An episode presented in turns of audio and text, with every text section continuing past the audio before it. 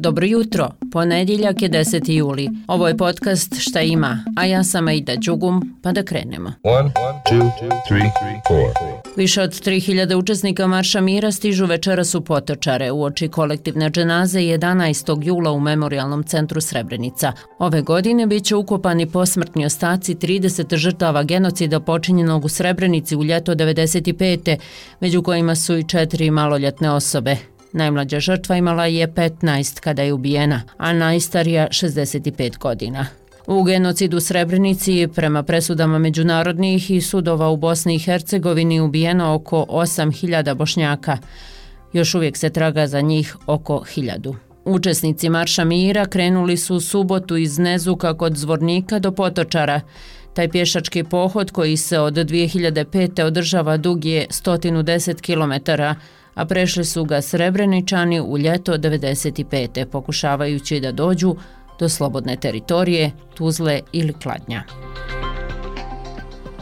Večera su u potočare stižu i biciklisti, njih više od 300, koji su također u tradicionalnom pohodu 8. jula krenuli iz Bihaća prema Srebrenici. Ermin Lipović, predsjednik kluba ekstremnih sportova Limit, o tome kaže. Radostan sam zato što, što taj maraton i pronosi onu samu svoju ideju, znači koja je znači na ovaj način okupljanja ne zaboravljamo ono sve što se nama desilo. U glavnom gradu Litvanije, Viljnusu, danas u oči NATO samita sastaće se švedski premijer Ulf Kristersson i turski predsjednik Recep Tayyip Erdogan. Glavni razlog sastanka je omogućavanje Švedskoj ulazak u NATO, jer Turska blokira švedsko pristupanje NATO utvrdeći da ta zemlja ne poduzima dovoljne mjere protiv terorističkih organizacija. No generalni sekretar NATO-a Jens Stoltenberg, koji je prošle sedmice bio domaćin sastanka između ministara vanjskih poslova dvije zemlje, je rekao Bio je to dobar sastanak, bio je to konstruktivan sastanak i napravili smo napredak. I uvjeren sam da ćemo nastaviti napredovati, ali još uvijek postoje praznine koje treba premostiti. Stoltenberg će se i danas ponovo sastati sa švedskim i turskim liderima prije sutrašnjeg zvaničnog početka NATO samita. U Sarajevu počinje festival Varm.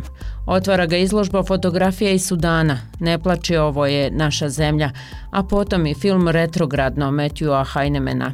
Varm festival traje do 15. jula, a organizator festivala je Međunarodna fondacija Varm, koja se bavi savremenim svjetskim konfliktima, posvećena je ratnom izvještavanju i ratnoj umjetnosti, kao i istoriji te sjećanju na ratove.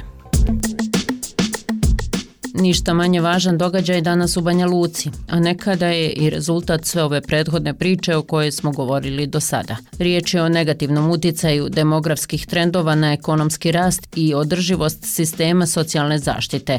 Okrugli sto o toj temi organizuje Unija poslodavaca Republike Srpske, a učestvuju institucija akademska i poslovna zajednica. Važna tema, rekla bih, o kojoj je Unija poslodavaca napravila dokumenti koji će biti i predstavljen na okruglom stolu. I na kraju da malo relaksiramo odjavu, da nam sedmica ne krene baš sa preteškim temama. Evo informacije za sve mačkoljubce. A ima ih mnogo. Prva naša Lela. Danas je u Americi nacionalni dan mačića. Onih malih neodoljivih mačića. Pa ako imate jednog ili više, mazite ih i pazite i zovite ih Đorđe, kao u crtanom filmu.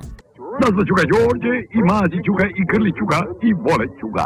A imate i podcast o kućnim ljubimcima na Slobodna Evropa pod nazivom Ono što ne bi uradio sebi, nemoj ni kućnom ljubimcu. I to je to. Čekamo vas sutra na istom mjestu. Ćao!